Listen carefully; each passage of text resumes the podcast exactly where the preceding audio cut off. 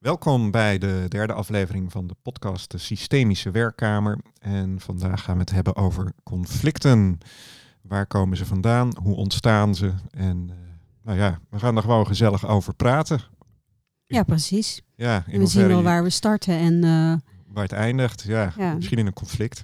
ja, Even, en voor zover je natuurlijk kunnen. gezellig kunt praten over conflicten. Dat, Ja, eh, precies. ja. Hey, wat was voor jou de aanleiding om eh, conflicten als een interessant onderwerp eh, te kiezen? Nou, ehm, het grappige is, afgelopen of 17 augustus was ik 21 jaar advocaat. Nou ja, Gefeliciteerd. dankjewel, 21 jaar, ja, volwassen, volwassen leeftijd om het zo eens te zeggen. Maar eh, ja, daarbij heb je natuurlijk te maken met conflicten. Ehm, Per definitie, denk ik. Ja, ja, kijk, eh, weet het, mensen komen bij als, als, eh, om te vragen hun standpunt te verdedigen en in ieder geval te trekken vanuit het, of naar het juridische toe. Hè? Dus, Ja, er is dus eigenlijk altijd een verschil van inzicht. Ja. Of een verschil van mening of een verschil van zienswijze. Ja, en het grappige is, ik zie dat dan altijd een beetje zo dat eh, je hebt een soort eh, maatschappelijke realiteit en juridische realiteit of een persoonlijke realiteit. En in de persoonlijke realiteit zit het rechtsgevoel en in de juridische realiteit zijn de regeltjes. Eh, en vaak lopen die eh, ver uiteen. Dus, dus wat dat betreft, en zeker met dan komen we even op het, op het rechtsfilosofische met de huidige wetgever die maar een diarree, noem ik aan regelgeving over ons uitstort. eh, loopt dat niet altijd even synchroon. Dus, eh, Kun je daar een voorbeeld van geven hoe dat, ja, hoe, hoe- hoe dat, hoe dat werkt in de praktijk? nou, mensen, mensen hebben een bepaald beeld van iets. Hè, en eh, dat, dat, dat beeld zit, zit natuurlijk bij de mensen. Hè. We kijken allemaal met de bril die wij van huis uit meegekregen hebben. Hè, vanuit, als we naar het systemische kijken. Ja, elk systeem zet een soort filter op hoe mensen het zien. Ja. Eh, en eh, hebben, hebben dus een bepaald, ja, voor ingenomenheid is misschien niet het juiste woord, maar eh, denken vanuit een bepaalde richting. En ja, het juridische, dat komt dan weer uit het systeem van onze maatschappij. Ehm, en dat systeem ziet vanuit onze maatschappij, ziet dingen tegenwoordig anders dan eh, dat, dat, dat eh, eh, mensen dat vaak zien. Hè. Die, die zien dat, maken dat een stukje kleiner. Dus, dus daar zit denk ik die dis- discrepantie in tussen ehm, eh, ja, hoe de individu het ziet en hoe het systeem, genaamd onze maatschappij, het, het Ja, ziet. want als we geboren worden, zeg maar in onze familie van herkomst, dan ehm, is daar een soort van eh, familiegeweten. Ja. Eh, met daarbij behorende normen en waarden. En zo doen we dat binnen onze familie. En daar zit dan ook je eigen individuele omgangsmanier nog in. Hè? De instinctieve beweging die je bent gaan doen als antwoord op dat wat je tegen bent gekomen ja, eh, in, in je, in je gezin, in je gezin van herkomst. En als je kijkt dan inderdaad, dat omschrijf je mooi, naar zo'n juridisch systeem. Dat is een systeem wat opgebouwd is vanuit een heel ander geweten. Ook vanuit een hele andere bedoeling, denk ik, op een bepaalde manier. Dus het, heeft een ander, het dient een ander doel. Ja. En ergens zou het een soort van paraplu moeten zijn over al die individuele gewetensstukken heen eigenlijk. Of ja, ik weet niet of ik dat nou zo goed verwoord, Nou, maar het grappige is, eh, kijk, ehm, eh, als je kijkt, vroeger hè, de- de- was het het eh, laatste redmiddel. eh, hè, dan ging je naar de rechter toe en die ging dan een oordeel daarover eh, vormen. Wat je tegenwoordig veel ziet vanuit eh, de overheid, eh, althans, dat is ook een stukje persoonlijk zit daarbij, denk ik bij, maar is dat ehm, men is veel sturender en controlerender bezig. Hè? Dus wetgeving is, wordt meer aangegrepen om, om eh, ja, de maatschappij een bepaalde richting, de regelgeving. ja, dus er is veel meer een normering. Ja, ja. Dit is hoe we het doen om te voorkomen dat er een conflict Ja. komt. Maar eh, het leuke, of nou ja, het leuke daaraan, het is wel zo dat hoe meer regelgeving, hoe meer conflicten er ontstaan. Ja. Dat is eh, bijvoorbeeld een voorbeeld in het, uit het familierecht is. ehm, eh, vroeger werd de omgangsregeling werd tussen partijen afgesproken en vaak lukte dat niet. Toen is vanuit de Tweede Kamer het idee gekomen van we voeren een ouderschapsplan in. En sinds de invoering van het ouderschapsplan, uh, ik moet eerlijk zeggen, ik heb daar de cijfers niet van gezien, maar uh, is het aantal conflicten rondom de omgangsregeling uh, aanzienlijk gestegen. Hè, dus met alle goede bedoelingen, zie je het maar, dat goede bedoelingen om ervoor te zorgen dat ouders op een geregelde manier met, met, met elkaar omgaan en met de kinderen. Hè? Want je ouders ja, er zijn nu veel meer regeltjes waarover we het als ouders oneens zouden kunnen zijn. Dus zo'n plan is goed bedoeld. Ja. Alleen probeert helemaal compleet alles af te bakenen, wat misschien eigenlijk wel niet zo makkelijk gaat. Nee, je kunt niet alles afbakenen. Nee. Dus je moet ook dingen overlaten aan, uh, ja, gewoon, ja, hoe zullen we het noemen? Zoals het gaat, het leven. Het lot. Ja, het Misschien lot. op een bepaalde manier. En het, hè, dit, om een voorbeeld te noemen, als er in, in, in een ouderschapsplan staat van ja, om vijf uur zullen de kinderen worden overgedragen en iemand komt om vijf over vijf, ja, dan zit je al. Ja, dan heb je al een probleem in dat ouderschapsplan. Ja, want dat klopt Een van de twee houdt zich niet. Ja. ja, en waarbij één partij zich er niet aan houdt. Dus, dus er is dan al direct een conflicterende situatie. Ja, ja. Ja ja, waar denk ik vroeger uh, meer werd gezegd, oh, vijf minuten te laat. Hè, en uh, niet alleen dan van. Uh, wat, wat je ziet is, ik heb het idee dat de hoeveelheid regelgeving de mensen principieler maken. Ik maak nu even aan aan stekens van principieler, ja, principes, maar mensen hè, die, die, die vinden dat ze in hun recht staan. Er zijn heel veel rechten, laat ik het zo zeggen. Dat, Ja. ja dus, uh... nee, dat maakt het ook complexer. Ja.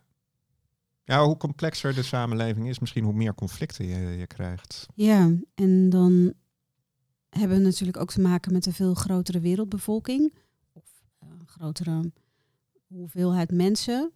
Um, als je het hebt over buren, over mensen die er in één straat wonen, uh, binnen bedrijven, organisaties, zijn denk ik ook op een bepaalde manier echt wel groter dan dat dat misschien 150 jaar geleden zo was. Ja, denk ik ook. Het is natuurlijk allemaal complexer. Maar ik denk ook wel, um, we hebben het nu een beetje, misschien niet zozeer over conflicten, maar ja, waar komen ze vandaan? Dat is natuurlijk ook een van de thema's. Maar als je kijkt, wat mij opvalt is, op het moment dat jij mensen verantwoordelijkheid geeft, zijn er minder conflicten dan op het moment dat mensen uh, allerlei verplichtingen. Hè, wij, uh, nou ja, om een voorbeeld te noemen.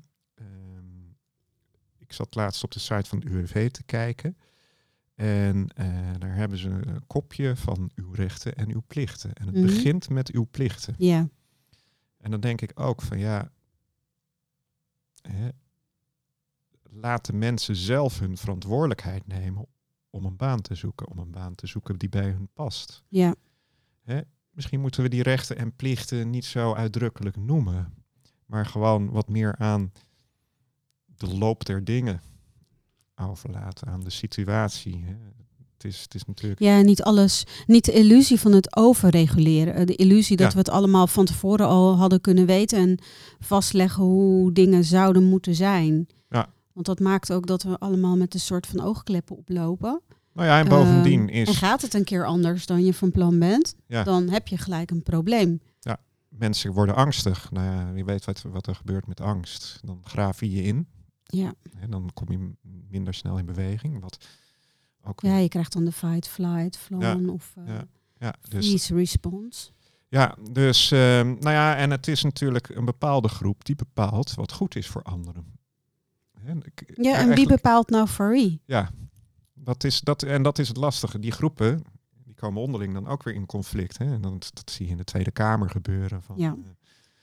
Uh, uh, dat, dat, dat geschreeuw wat daar plaatsvindt. Ja, natuurlijk al, uh, hoe heet het, um, feeling, voeling met de samenleving een beetje kwijt. Ja. ja, dat is een soort instituut waar we in ons dagelijks leven buiten dat overheidsgebouw in feite niets meer mee doen. Nee, ook, maar, ook de vorm van debatteren is natuurlijk toch een vorm die, eh, die we ook in het dagelijks Ja. leven niet meer tegenkomen. Ja. Nou, Bas Heijnen die, eh, die schreef een mooi stuk over in het NRC van afgelopen weekend. Even kijken, dat was eh, 28, eh, 29 eh, augustus. Ehm, en die gaf aan, die had een interview gelezen met Hugo de Jonge, eh, die zo zwaar onder vuur ligt. En die gaf gewoon aan, ja, weet je, zo'n Twitterstorm waar iedereen zijn gal spuit. Ja, nou ja, het gebeurt, het glijdt van me af en ik ga gewoon dingen doen. Mhm. En toen dacht ik eigenlijk van ja, zijn wij, is de politiek de voeling met de samenleving kwijt? Of is de samenleving de voeling met de politiek kwijt? Ja, en Ik denk kan dat het daar een zonder het ander? Ja. Ja, En ehm, toen dacht ik ook van ja, wat nou als al die twitteraars eh, naar Den Haag gaan en daar gewoon gaan demonstreren zoals je vroeger zag. ja. Dan is er in ieder geval En er wordt nog steeds gedemonstreerd. Ja, maar ik denk, ik, ik had het idee in mijn jeugd, jaren tachtig, natuurlijk met, met Ja, eh, de Koude Oorlog, dat ja, mensen precies. Ja. hè, en de vakbonden, dat de mensen meer op de been waren. En dat geeft een ander soort energie dan dat je op Twitter zit. Want Twitter schiet je het weg en het is weg. Het is, ja, en op Twitter is het ook nog niet zo makkelijk meer om ehm, eh, het gebruik van bots en zo te onderscheiden. Wat is Nee, echt, wat is niet echt. Bots, trolls, weet ik veel Ja. hoe dat allemaal heet tegenwoordig. Ja. Maar dat, ehm, ja, dat, dat maakt het lastig. Nou, er wordt wel veel eh, gedemonstreerd volgens mij. Als ik de filmpjes... meer en meer. Ja, Er wordt meer en Ja. meer gedemonstreerd. Dat is Ja. En de, ja, de vraag is eh, of dat, ehm, eh, op welke manier dat, dat bijdraagt. Dat, is, dat is de andere kant. ja. Hoeveel...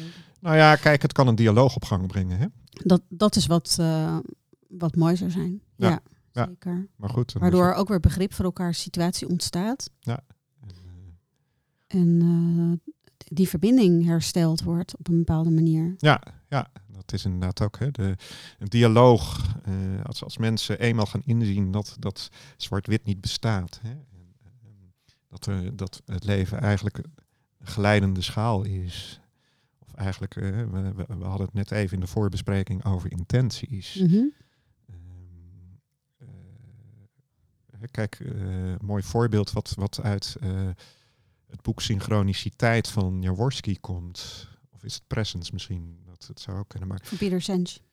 ja, dat, eh, ehm, die, daarin wordt een situatie geschreven uit Duitsland. Dat met de eh, theorie U, theorie U, ehm, in een ziekenhuis werd gekeken van joh, hoe kunnen we daar nou een probleem oplossen? Want de, de artsen die, die konden niet eh, hun werk doen, vonden ze. En de ehm, eh, patiënten die werden niet gehoord of die werden.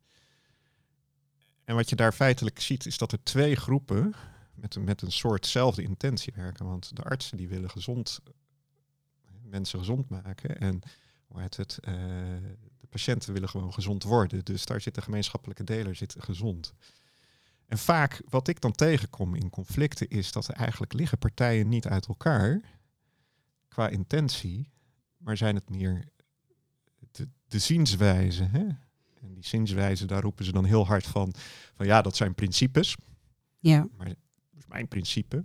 ja, dat zijn weer overtuigingen die vanuit Ja, eh, Nou ja, de jeugd meekomen. vanuit, het opvoeding, Ja, vanuit... systeem, eh, Ja, precies. Ja. En dat, ja, dan zit ik altijd te denken van ja, de mens die eh, eigenlijk is het mens een heel simpel wezen. Want wat willen we nou? Of wat moeten we nou? We moeten eten. We willen het liefst een dak boven ons hoofd en we willen liefde krijgen, Ja. liefde geven.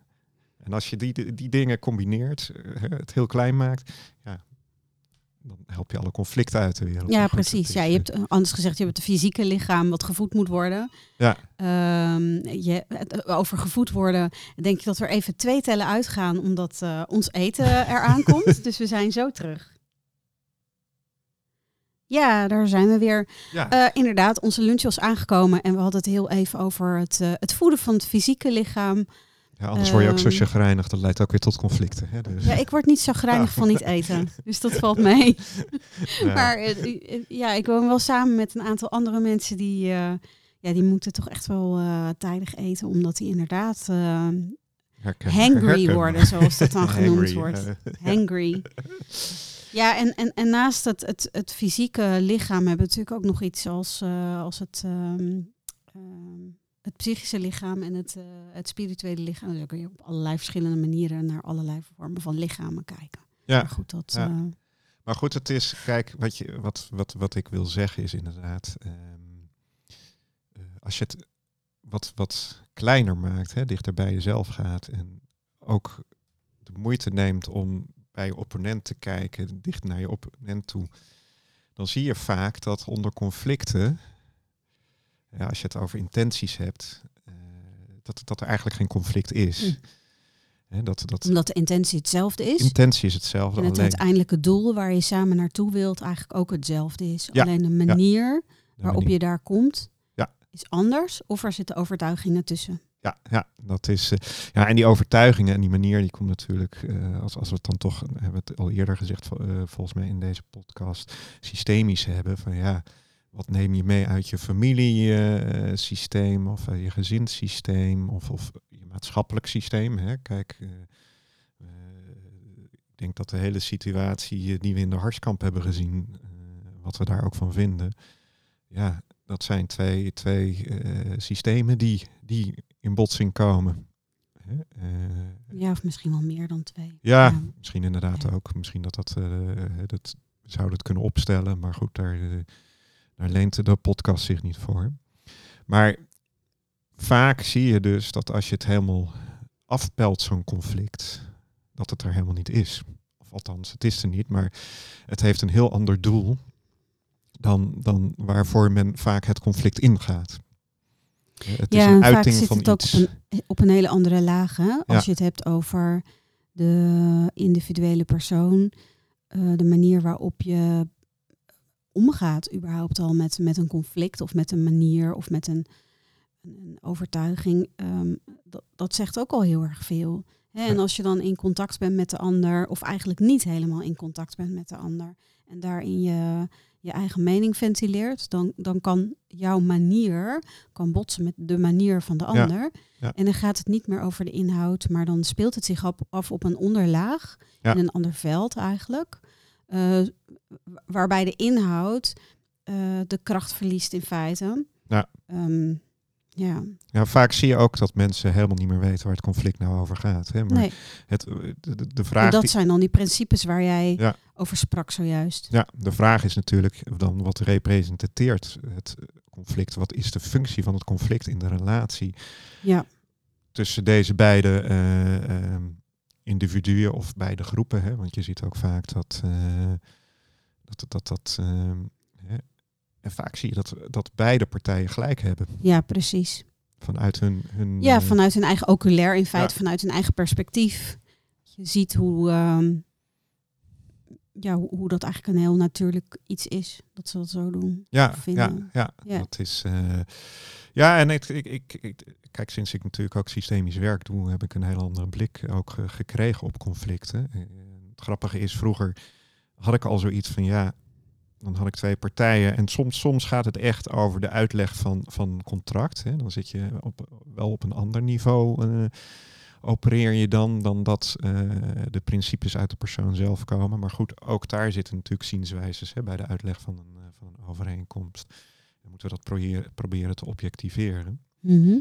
Ehm, maar wat mij dan wel eens verbaast, hè, dat mensen inderdaad zo ingegraven zitten in dat conflict, dat al het gemeenschappelijke verdwijnt. Terwijl als je het een kwartslag draait bij wijze van, de zienswijze om het Ja. zo eens te noemen, partij elkaar kunnen versterken. Ja, en ook weer hele- kunnen zien waar, Ja. waar het eigenlijk over gaat. Dat, eh, dus, En, en zou je kunnen zeggen, ik weet niet of dat zo is, maar zou je kunnen zeggen dat juist doordat het een juridisch geschil wordt, dat partijen juist veel steviger in dat, dieper in dat conflict komen te staan? denk het wel, ja. Ja, ja kijk, en dat is natuurlijk ook de vraag van, hè, eh, op het moment dat er advocaten bij komen, breng je weer een systeem. Hè? Ga je dus in Ja, echt, echt het systeem van de rechtspraak in. Dan komt er een schil omheen in Ja, feite. Ja, en eh, dan gaat de advocaat gaat ook invloed uitoefenen vanuit zijn eigen zienswijze en uit, hè, ehm, hoe hij eh, gegroeid is in de advocatuur. Ja, en eh, dat werkt niet altijd even positief, om het zo eens te zeggen. Hè. Dat, Nee, want je hebt in een geschil heb je hè, als dat twee personen zijn, zou je in dit geval zeggen, heb je twee systemen die je samenbrengt, komen daar twee advocaten bij, heb je eigenlijk vier systemen. Ja. In ieder geval vier persoonlijke systemen. En je hebt dan daarnaast ook nog wel ehm, ehm, ja, zo'n organisatie die er omheen is, waar ook weer op een aparte zienswijze met bepaalde afspraken omgegaan wordt. Ehm, eh, mogelijk zijn er nog intervisie-supervisiegroepen die Ja, hierbij ja. eh, een rol kunnen spelen. Als het over de professionaliteit van de beroepsbeoefenaar gaat. Ja, ja. Ehm, ehm, maar ook degene die het geschil heeft, heeft ook nog weer een gezin, een partner, mogelijk een MT, wat, eh, wat daar ook nog weer een rol in speelt. Dus Ja. het is een Het is- enorme, het is- complexe situatie eigenlijk waar je Ja, en wat, je wat je ziet hebt. gebeuren is bij, eh, en dat is, dat is ook de functie van de advocaat, hè, die schuift zichzelf als het ware tussen partijen in. Enerzijds worden partijen afgeschermd hè, van elkaar, Ja, waardoor de dialoog dus wat lastiger wordt. ja, precies. En, eh, eh, en anderzijds geeft dat natuurlijk ook de advocaat de positie om alles erin te brengen wat jij, eh, wat jij eh, net noemde. Ja. Dus eh, het werkt niet altijd even positief. Hè, En het, eh, Nee, dus, eh, maar goed, ja, je ziet dan inderdaad eh, de, die intentie van beide partijen, die verdwijnt helemaal naar de achtergrond. En ik denk dan dat waar de systemen of, of, eh, de- de- naar de voorgrond komen, dat je dan kunt kijken van joh, wat, wat houdt binnen die systemen dat conflict in stand? Mhm. Want een conflict bindt partijen ook. Hè? ja zeker. Dus, dus eh, wordt vaak, het houdt partijen verdeeld, maar ja, dan is het geen partijen- verbinding, maar dan is het een binding Ja. waar je in feite mee Ja. te maken hebt. Dus waarom moeten die partijen gebonden blijven aan Ja. elkaar? Waarom kunnen ze geen afscheid nemen aan elkaar? Dat zie je vaak bij huwelijken, is dat, dat blijft maar dooretteren. hè? Die vechtscheidingen, ja, dat gevecht zorgt er wel voor dat de echt, echtgenoten bij elkaar blijven. Ja. En eigenlijk ook niet echt verder kunnen naar de volgende relatie. Want wat je vaak ziet gebeuren, eh, ik moet daarbij eerlijk zeggen, ik doe zelf geen echtscheidingen, maar mijn collega wel.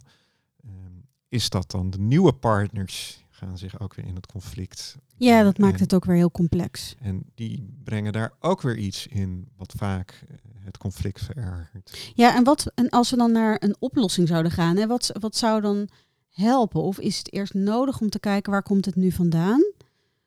In feite zou in zo'n geschil, zeg maar, als je het spreekt over, over een juridisch geschil, waar, waarin jij als advocaat dan ook werkt, dat ook zo'n coach-traject of een, een, Ja. een mediator-traject heel erg zou kunnen helpen. Ja. eh, om inzicht te krijgen in hoe doe ik dat nou als persoon en wat maakt nou dat we hier tegenover elkaar zijn komen te staan. Ja. Ja, nou dat is inderdaad, je zou het conflict gewoon kunnen opstellen met partijen. Hè? Ja, Kijken precies. wat, wat, wat voor Ja. beweging en eh, of, of met de individu, met, met, eh, met één partij eens kijken wat. En wat- is dat iets wat in de advocatuur al wordt toegepast? Nee, nee, nee, nee, de advocatuur is vrij rationeel natuurlijk allemaal. En eigenlijk, ja, de vraag is natuurlijk, is dat de taak van de advocatuur? Misschien dat ze daar op, in bepaalde rechtsgebieden wel naartoe zouden kunnen bewegen. Mhm. Hè, dat het wat menselijker wordt. Het lijkt mij dat dit eigenlijk het voortraject zou kunnen zijn van een juridisch geschil. Ja, Dus dat ja. op het moment dat je merkt dat er een conflict dreigt te komen of is, Ja. Eh, dat je eerst met, met elkaar, met de partijen gaat werken op, op deze manier om de systemen in kaart te brengen en daarmee te kijken wat, wat zich voordoet in de communicatie met elkaar. Eh, en als je er dan met elkaar niet uitkomt. Ja, dat je dat, dat is stap mediation. Hè? Kijk, je hebt tegenwoordig ook wel mediation eh, trajecten. Ehm, ik vraag me af, ik denk dat mediation, wat ik daarvan zie, is dat dat vaak nog wel te veel op het zakelijke zit. Ja, op het cognitieve in feite. Ja, hè? Dus, het is, er worden wel de gemeenschappelijke belangen worden gezocht. Ehm, maar eh, de vraag is, wordt de onderliggende pijn daarmee opgelost? ja, het is geen therapie. Nee, nee. En ik denk dat de, als, als we het dan per se in een hok moeten zetten, eh, dat dat stuk heling wat plaats moet vinden eigenlijk eh, in de individu veel meer een, een ja, therapeutische interventie is. Dat Ja. is wat systemisch werk natuurlijk in feite ook is. Ja. Ehm, ja, dus, dus als je tot een oplossing zou willen komen, dan is het mooi om dit in te bouwen in zo'n totaaltraject. Ja, dat je inderdaad. Nou, ik moet wel zeggen dat, ehm, eh, dat zie ik dan op Instagram en ook al wel op LinkedIn voorbij komen, dat er ook familierechtadvocaten zijn die zich meer en meer in, in de familiesystemen uh, verdiepen. Dat is, ehm, want ja. Eigenlijk is het raar dat dat niet al eerder is geweest. Ja, ik denk dat moet groeien. Ik vraag me ook af als ik zeg maar films kijk uh, van, van zoveel, die zoveel honderden jaren geleden zich hebben afgespeeld.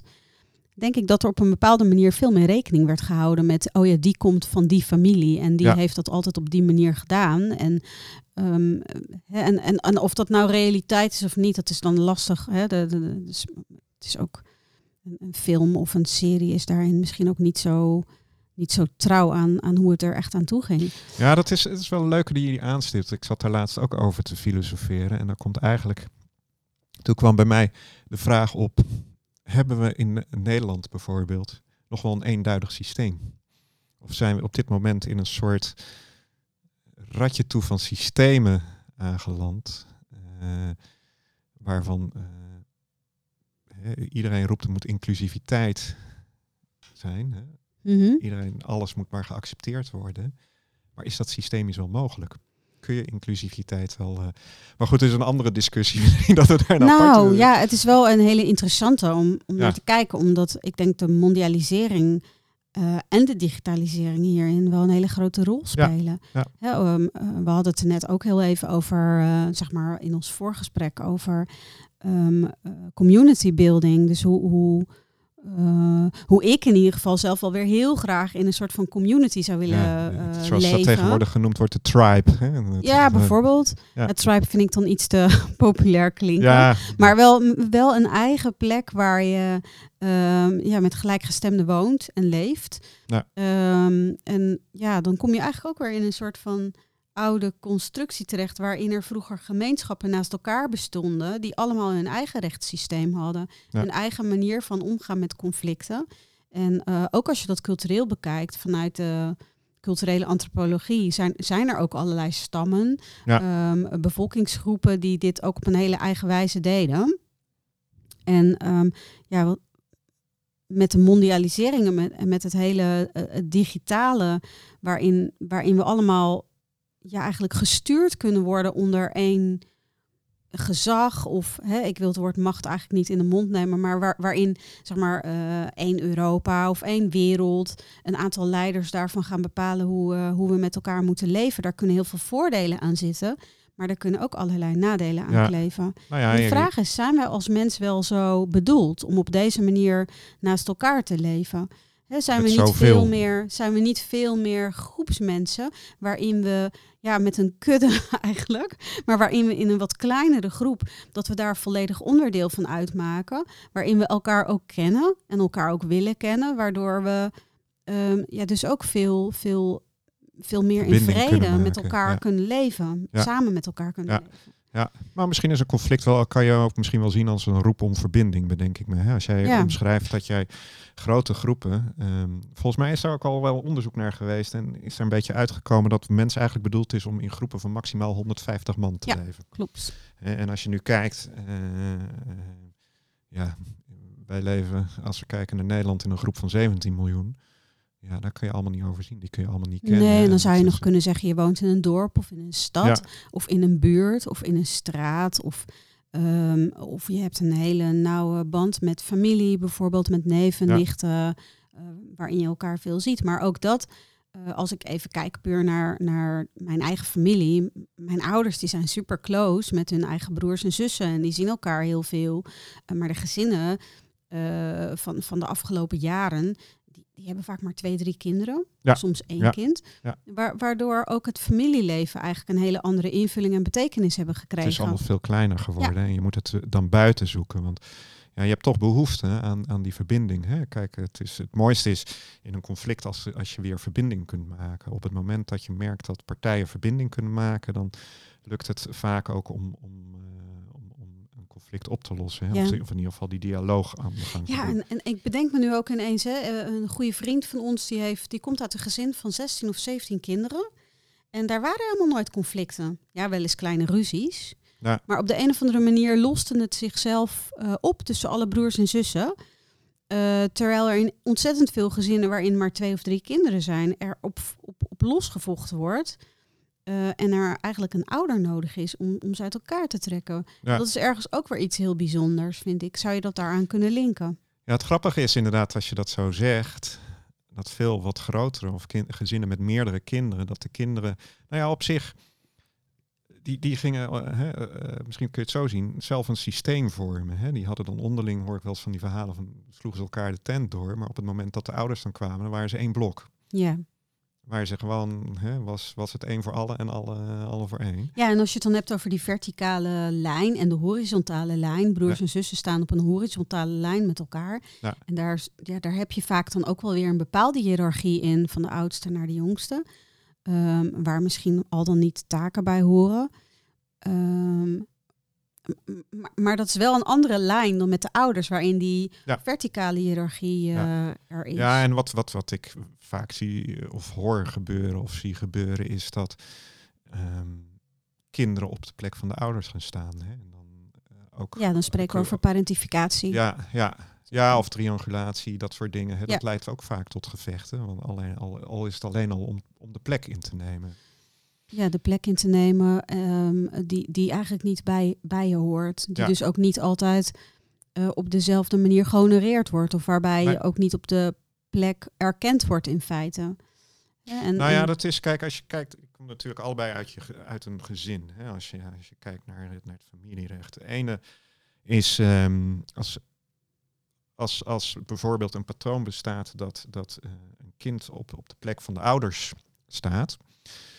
Dan zal het kind in zijn jeugd op de plek van de ouders staan. Maar op het moment dat zij zelf ouder wordt, gaat hij zichzelf op die kindplek zetten. ja, precies. En daar, als dan de ene ouder ja, weer op een andere plek staat, of ook op die kindplek staat, ja, dan krijg je kinderlijke ruzies of iets dergelijks. En als je dat nou kunt doorzien en dat aan, aan de beide partijen kunt laten zien, kun je volgens mij ja, echt wel de angel uit een conflict halen met, met bijvoorbeeld het, eh, het systemisch werk. eh. Ja, door alleen maar te weten dat je Ja. op een plek gaat staan die niet van jou is. Ja. Waardoor je eigenlijk eh, ook weer in ere hersteld wordt als kind. Op het moment dat jij het kind bent wat in, op een ouderplek gaat staan. Of boven de ouder.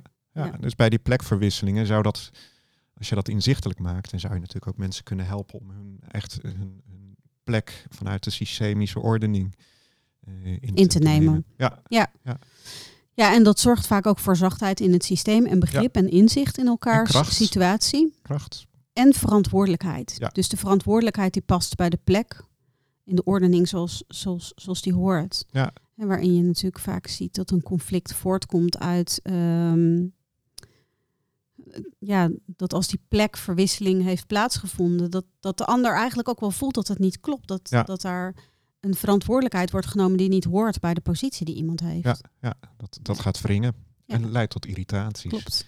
Ja, en als die irritaties te groot worden, dan... eh, Ja, leidt het tot een conflict. Ja, en het is vaak ook dat mensen, hè, ehm, dat zie je ook gebeuren, hun, hun kind, eh, hoe noem je dat, eh, hun, innerlijke kind ertussen schuiven of iets dergelijks, wat gaat staan stampvoeten en ja, ga je op een kindplek staan en Ja, precies. Dan, dan heb je daar ook een. eh, eigenlijk ook een plekverwisseling in Ja, feite. ja, ja. ja. Ja, dus dat... eh, in gedrag. Ja. Hey, en ehm, ja, als luisteraars het leuk vinden om hier meer over te weten, kunnen, kunnen wij hier nog iets over zeggen? Of eh, kunnen we ze ergens naar verwijzen? Nou, ik, wat, wat ik, ik zelf ben ik dan altijd wel geïnteresseerd inderdaad in mensen in conflict. Ja, op een of andere manier eh, zouden we bij mij ook kunnen opstellen. Eens kijken waar dat vandaan komt, interesse voor het Wat- conflict. Wat in ieder geval, Ja, precies. Dat ik jij denk dat, dat dat een soort triangulatie is geweest. Want ik denk dat ik wel een mi- bemiddelaar ben ook. Hè. Ik zoek, zoek altijd wel de gemeenschappelijke deler tussen, eh, tussen mensen. Nee, maar het lijkt mij heel leuk en interessant en ook eervol om, om, om eh, mensen dat inzicht te geven. Hè. Dat, dat, Mhm. ehm, eh, je ziet ook vaak wel is dat er een identificatie met het conflict eh, Plaatsvindt. Ja, dat er belangen zijn Hè, bij het conflict. Ja, nou ja, en, en, en, en projecties en dergelijke. Ja. En om dat, die elementen eruit te halen. Hè, dus van enerzijds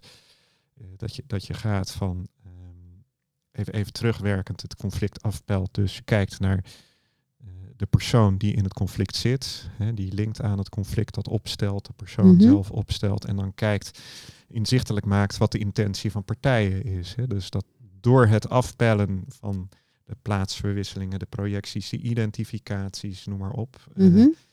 die intentie naar boven kunt halen en vanuit die intentie die dialoog kunt aangaan om, om eh, eh, te kijken of je dat conflict kan op, oplossen. En dat Mhm. klinkt eigenlijk allemaal heel, heel eh, bewerkelijk.